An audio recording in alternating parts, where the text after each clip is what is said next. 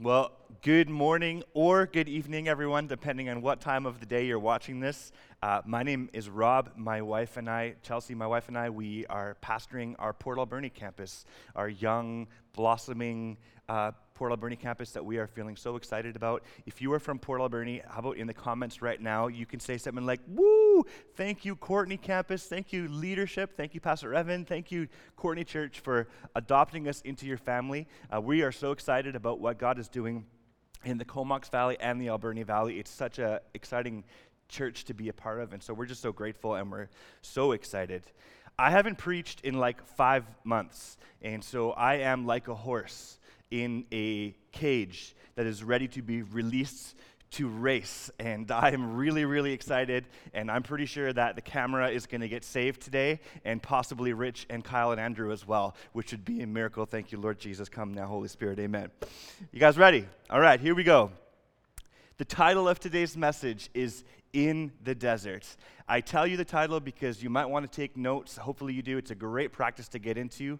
And uh, if you do take notes and if you do write down the title in the desert, make sure you spell desert D E S E R T. Because if you spell it wrong, you will end up with in the desert, which sounds like a dream come true, but is not what the message is about. We are not in the cheesecake today. We are not in the ice cream today. Uh, we are in the desert, which doesn't sound as great, but I promise you, God's got a message for you today. I'm excited. So let's get, let's get straight into the scriptures. Uh, we've been in Exodus 16 talking about how uh, the Israelites are, they find themselves in the desert and they're hungry and they're thirsty and they're complaining and God is providing. And uh, before we get there, I want to sort of back up and highlight some of the previous events that took place. So we're going to start in Exodus chapter 3 and uh, at verse 7 which is when Moses uh, sees the bush that is burning, and, and, for some reason it's not burning up, and he goes to investigate and the Lord just begins to speak to him from. And this is what God says to Moses. Then the Lord told him, I have certainly seen the oppression of my people in Egypt. I have heard their cries of distress because of their harsh slave drivers. Yes, I am aware of their suffering, so I have come down to rescue them from the power of the Egyptians and lead them out of Egypt into their own fertile and spacious land. It is a land flowing with milk and honey, the land where the Canaanites, Hittites, Amorites, Perizzites, Hivites, Jebusites, Courtenaites, and Port now live. Look, the cry of the people of Israel has reached me, and I have seen how harshly the Egyptians abuse them. Now go, for I am sending you to Pharaoh. You must lead my people, Israel, out of Egypt. It's a promise from God saying that I have I've seen what my people are going through, and I'm coming to rescue them, to deliver them, to make them my people, and to give them their own land. It's an amazing, amazing promise. Pop over to Exodus 15, one chapter before we get all caught up. In Exodus 15, the journey has already started. They've already seen God do some amazing things, uh, but they find themselves in the desert and thirsty, and they complain to God about being thirsty, and God provides for them, but this is what He says.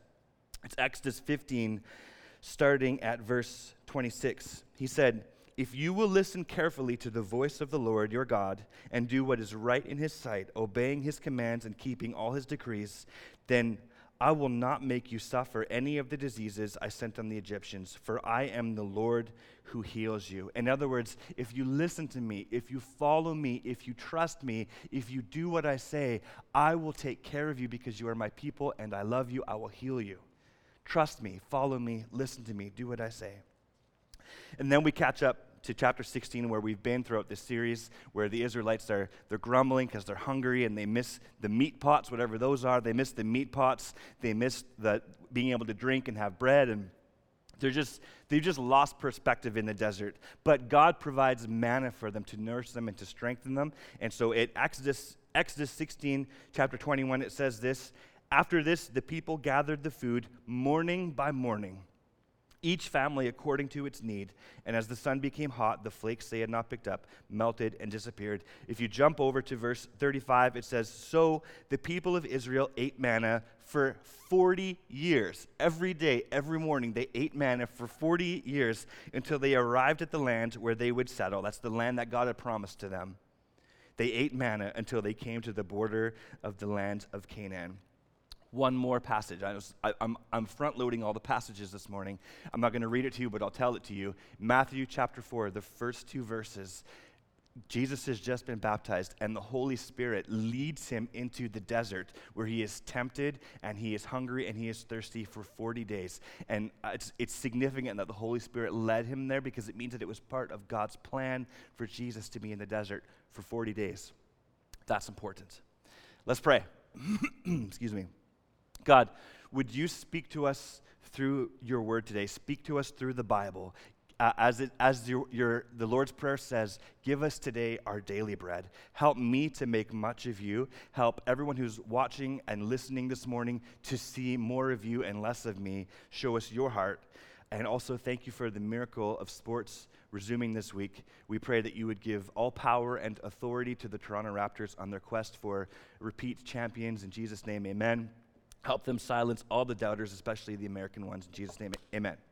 If you didn't like that, I'll be in the comments.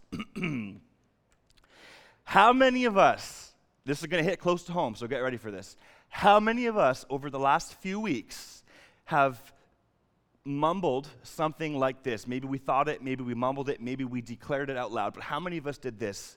Oh, this summer is so not summery. It's just a bit too cold and gray. It's like we don't even have a summer. How many of you did that? And then how many of you, just like a week or two ago, after that week, were like, oh, it's so hot. I can hardly bear it. I just wish it was a little bit cooler. Come on. I know some of you didn't say it, but that doesn't mean you weren't thinking it. Don't act like you haven't, don't act like it didn't cross your mind.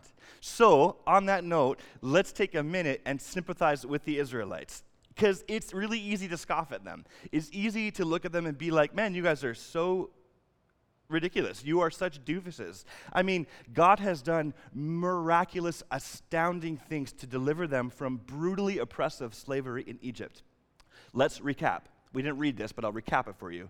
He sent them a leader in Moses. He's done signs and wonders through Moses, and he's broken the iron will of Pharaoh, who finally relents and lets his people go lets God's people go, I should say. He gives, once they're gone, he gives them a, a, pillar of fire by night and a pillar of cloud by day to lead them. They don't know where they're going in this huge desert, this huge wilderness, but God is guiding them with a literal pillar of cloud and a pillar of fire. Then they arrive at the Red Sea, which is basically a dead end. And if you remember the story, you know that Pharaoh and 600 chariots are about to catch up to all 3 million of Israel's people at this dead end of the Red Sea. And they're like, no, we should have just died in Egypt. It would have been so much better. And then God, in the nick of time, parts the Red Sea, and all three, so that the ground is literally dry, and all three million people of Israel walk right through it to dry ground on the other side. And I want you to understand how significant this is because that depending on where they crossed the Red Sea, that distance would have been like taking the ferry from Nanaimo to Vancouver, except on foot and about three times longer. This is a ridiculous, mind blowing miracle, but it gets better because the, the chariots, the 600 chariots and Pharaoh, who w- would have been drastically faster than the 3 million Israelites, chase them into the, the water, the walls of water, into the dry ground. But when they start to catch up to them, God confuses them and they suddenly become physically unable to catch up. It's crazy. And then the moment that Israel crosses out on the other side onto dry ground, God releases the walls of water, and all of Pharaoh's people did the dead man's float. If you, I don't know if you remember the kid, the kids' camp song. All of Pharaoh's people did the dead man's float. I said, Pharaoh, Pharaoh, oh, obey. No, anyways, delete that, Kyle. Can you delete that? I'm just kidding. Sort of. Anyways, it is a complete miracle. It's an astounding miracle. There's, it's the impossible. It's completely impossible, but God did it, and there's no other explanation for it except God uh, staying true to his promise. But literally three days later, if you read the passage, three days later, they are in the desert and they're thirsty and they begin to complain. Oh my gosh, I just wish I had some water. It would have been so much better in Egypt and their complaints are mounting day after day. Now they're hungry too, and it's kind of understandable. I can kind of uh, kind of relate to them a little bit, but they're like, "Oh man, Moses, what are you doing? You should have just let us die in Egypt. It would have been so much better." And that's when they dropped the comment about meat pots, which I still don't understand. And what is a meat pot? And that's when we had bread, and and that's when we say, "Are you serious?" We modern day readers reading this today are looking at them like What are you guys talking about? Haven't you seen the incredible things that God has done? How can three days later, how could you already forget? Obviously, God is with you. We scoff at them. Speaking of meat pots, by the way, I asked my small group about this. We weren't, I wanted to know what is a meat pot, and we all had different takes. One of us said a meat pot is like stew, which sounds good. And another person said, Oh, I thought a meat pot was like a pot made out of meat that you could eat, kind of like Tim Hortons. And then I ate the bowl, like kind of that sort of thing. And I thought it was like a chicken pot pie. So there you go. You won't find it in any commentaries, but now I have enlightened you about the meat pots. Let's be real with ourselves for a moment. We who are scoffing at Israel are the very same people who literally just complained about how cold it was, and then a week later we complained about how hot it was. We are not that much different than Israel. Let's put our oops. Let's put let's put ourselves in Israel's shoes for a second. Yes, they have seen the Lord do incredible, inexplicable things that should, without a doubt, cement in their minds and hearts that God is for them. But remember, at the start of this whole ordeal, when Moses showed up on the scene, God said to them that he would deliver them, that he would make them his own people, and that he would give them their own lands. And though they've seen him do the miraculous and the incredible, they're also observing a reality that right now, all they've really done is move from slavery to survival in a desert. Pick your poison. God, this isn't what you promised. This isn't what you said you were going to do. What is this? So on one hand, you kind of can't believe they would complain after all the things you've seen they've seen God do. But on the other hand, you kind of can relate to the frustration of believing and trusting in God for his promise but finding yourself in a desert instead. So we're not that much different than Israel. And the great news is that whether you're Israel and you're disappointed in their desert or whether you're you and you're disappointed in your metaphorical desert, God has a good plan for it. Repeat after me. In the desert. In the desert. Make his perspective, make his purpose your perspective, Make his purpose your perspective, and his provision your priority. and his provision your priority. I just totally made that so confusing for you.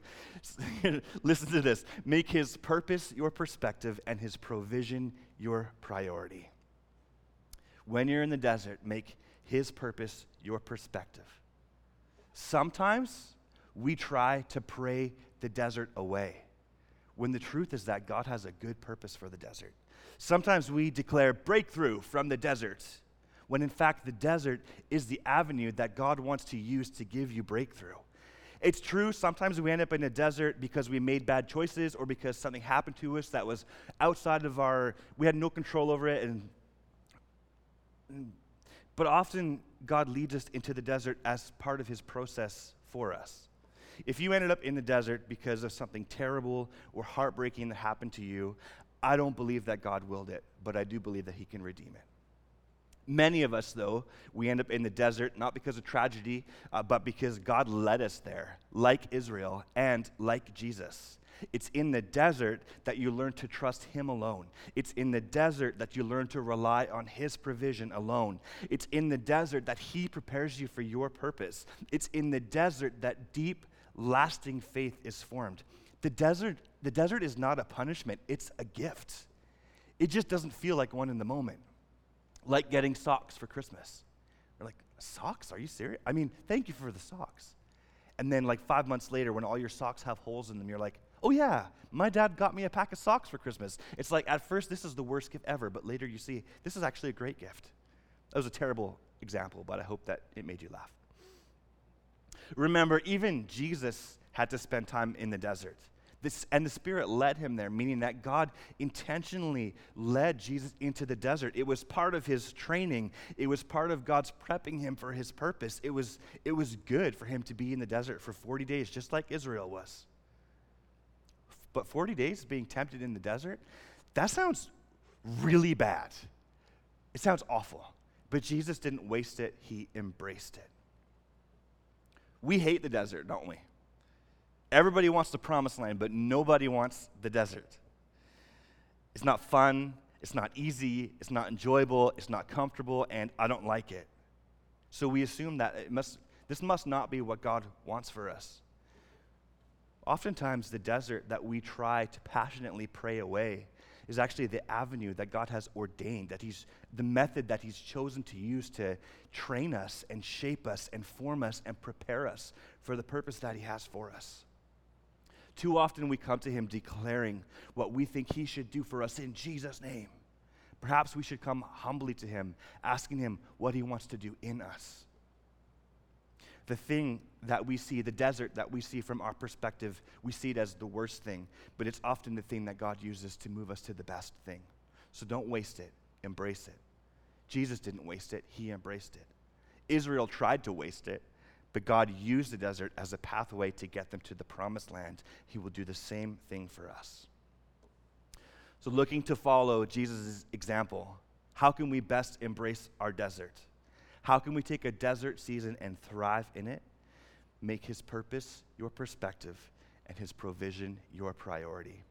When you're in the desert, make his provision your priority. When you're in the desert, the temptation, and Pastor Evan talked about this a couple weeks ago, the temptation is to groan and mumble and complain like Israel did. Uh, the grumbling gremlin, if you remember Pastor Evan's message. I don't know why God is doing this. God, why couldn't you have just done that? Why did you bring me here? It was so much better before. I don't know why he feels so far away. I don't know why I feel so spiritually dry. Why couldn't you have just done it this way? Why is it so much better for those people? When you're in the desert, you feel these things and you think these things, but when you say these things, and by the way, we all have, so you don't need to feel like you're the only one, but when you say these things, what you're really saying is that my soul is thirsty and starving. All these complaints are just symptoms of a soul that is malnourished and dried up.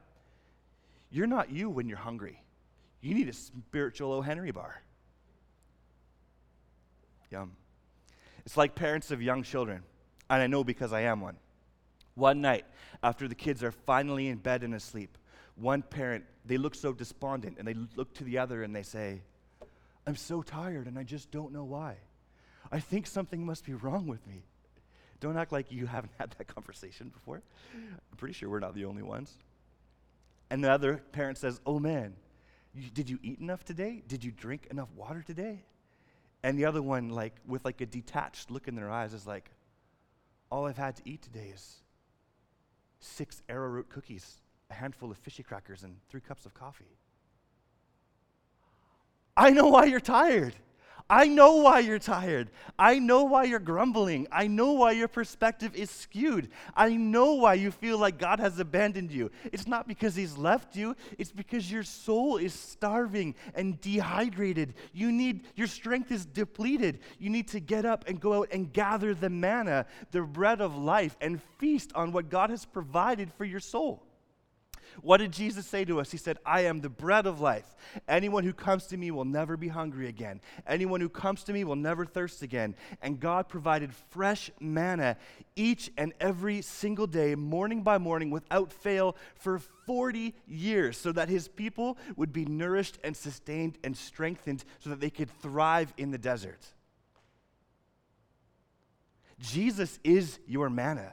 Jesus is your sustenance. Jesus is your strength. Jesus is your life. He's your power, your source, your resurrection. Jesus is your healing. Jesus is the bread of life. And if you are in the desert and you're feeling dry and weary and worn out, and hungry and thirsty, you simply need to know that day by day, morning after morning, without fail, Jesus provides fresh food for your soul. You just have to go pick it up. You just have to go get it. It's right there, it's within your reach. Literally, for Israel, he dropped the manna outside of their tents. All they had to do in the morning was get up, unzip. I don't know if they had zippers back then. They had to get up, leave their tent, and go collect the manna. That's it. It was right there waiting for them. And I don't understand why so often we just don't do it. We just don't. I don't know why. Some of us have figured it out. Some of us have figured it out. We know without Jesus in our lives every day, without a relationship with Him, without His help, without His strength and His guidance, without talking to Him and knowing Him and hearing from Him morning after morning, our souls will shrivel up and die. Some of us know it, but so many of us go day by day by day by day not eating We go, I'm too busy. I'm too tired. It's too hard. I don't want to. And then we wonder why our spirit is so dry. It's like that parent. I'm so tired and I don't know why. I think something is wrong with me. You're weak because your soul is starving. Your soul is parched. You haven't eaten in days. Come to Jesus. It's not because he's left you. You just need to get up and go gather what he has faithfully prepared for you each and every morning, each and every day. It's not like it's hard. It's not, we often talk about it as a discipline, and I get it, but it's not like it's hard. It's not like you have to conquer it and master it. It's a means of grace that God has given to us. You know, we're not like we're disciplining ourselves to be like, oh man, if I just study hard enough and like pray hard enough, maybe God will reward me with something. No, it's just right there. All you have to do is go get it. It's so easy. Jesus is like, hey, Rob. Good morning, Rob. I've prepared something awesome for you today. Come eat. Come sit with me. Let me, let me refresh you and give you what you need so you can survive the desert today. It's right here. Just come get it. And I'm like, I'm sorry, Jesus. I'm just, I'm so sorry. I'm just not very disciplined. I'm so sorry. I'm just kind of tired today. Jesus, like, what? You literally don't have to do anything. Just come sit with me. Let me revive you. Let me take care of you. Let me feed you. Let me nourish your soul. I prepared something for you. You need me, and I'm offering all of myself to you. Just come get it. It's so easy. The provision is right in front of us, but so often we choose to starve instead. If you're in the desert, the single most important thing you can do is to make His provision your priority. Day by day, morning after morning, go get what He has graciously provided for you. He provided every day for Israel. Every single day there was food to nourish them and strengthen them. Every day there is food for you ready to nourish you and strengthen you. The Israelites were in the desert. You might be in the desert. Just so you know, nothing grows in the desert. Nothing lives in the desert. There is nothing life giving in the desert. There's nothing to eat, nothing to drink in the desert. You can't eat scorpions and you can't eat piles of hot sands. They will disappoint you. They cannot sustain you. They are not good. There's no other option that satisfies our hunger and thirst. There is no other source of strength in life that can satisfy the hunger and thirst of your soul. Only Jesus. And if you're in the desert, you need him now more than ever. So get up and go eat. Go sit with him. Let him revive you. Make his provision your priority. Jesus said in Matthew 6 33, Seek first my kingdom, and everything else will be added to you. In other words, seek me first, and I will take care of everything. Seek me first. You need me more than anything else. Paul writes to the Philippians as well My God will provide for your every need according to his riches and glory in Christ Jesus, our bread of life. I got one last thing, just like a, kind of an addendum. Uh, as I was driving up to Courtenay today, uh, I felt like, like Jesus just dropped this into my heart. And I don't exactly know how to say it, but I'm going to give it a, my, a stab at it because I know it's important. Earlier, I mentioned the difference between the desert that, God's lead, that God leads you into as opposed to the desert that you just end up in by no fault of your own because something happened or one of those deserts is part of his purpose. The other one is just a result of the reality that we live in a broken world where people are, are hurting and in pain. You might be in a desert today, not because God led you there, it's not part of his, his, uh, his training process, but because you're suffering from depression or anxiety or some sort of mental health or something like that. The desert of mental health is a whole different ballgame. And it's, when I talked about the desert, it's not really what I was talking about today. Uh, so when I said things like the nourishment is right there, all you have to do is go get it, a lot of us would have felt like, yeah, God's faithfully provides, let's go get it. But if you're suffering from some sort of mental health, you might have felt guilt and shame by that. Because it's something that you want to do, but you just feel like you can't, and I understand. I want you to know you don't need to feel guilt and shame. You don't need to feel bad about that. That was not what that was meant for. And in fact, I want you to know that Jesus is looking at you right now with tears of love and compassion in his eyes. Jesus sees the pain that anxiety has inflicted upon you, and he is weeping with you. He is right there with you. He's not mad at you, he's not disappointed in you, he's overflowing with love for you. The gospel teaches us there is no condemnation for those who belong to him. The Psalms teach us that God is near to the brokenhearted and he bandages their wounds. Jesus' life and character demonstrate to us that the ones who were sick and hurting were the ones he had the softest spots for. So I know that you might feel far from Jesus, but anxiety is lying to you. He is right there with you right now, and He has never left and He never will. I know that you don't feel like you have the strength to get up, go out of your tent, and get the manna. That's okay because Jesus is carrying you. That's not a license to not try. When you have a good day, go get it. Stock up on that manna. Let him, let him speak to you and nourish your, your soul. Hopefully, it is the freedom of knowing that when you don't have the strength, Jesus' strength is enough for you. And don't give up.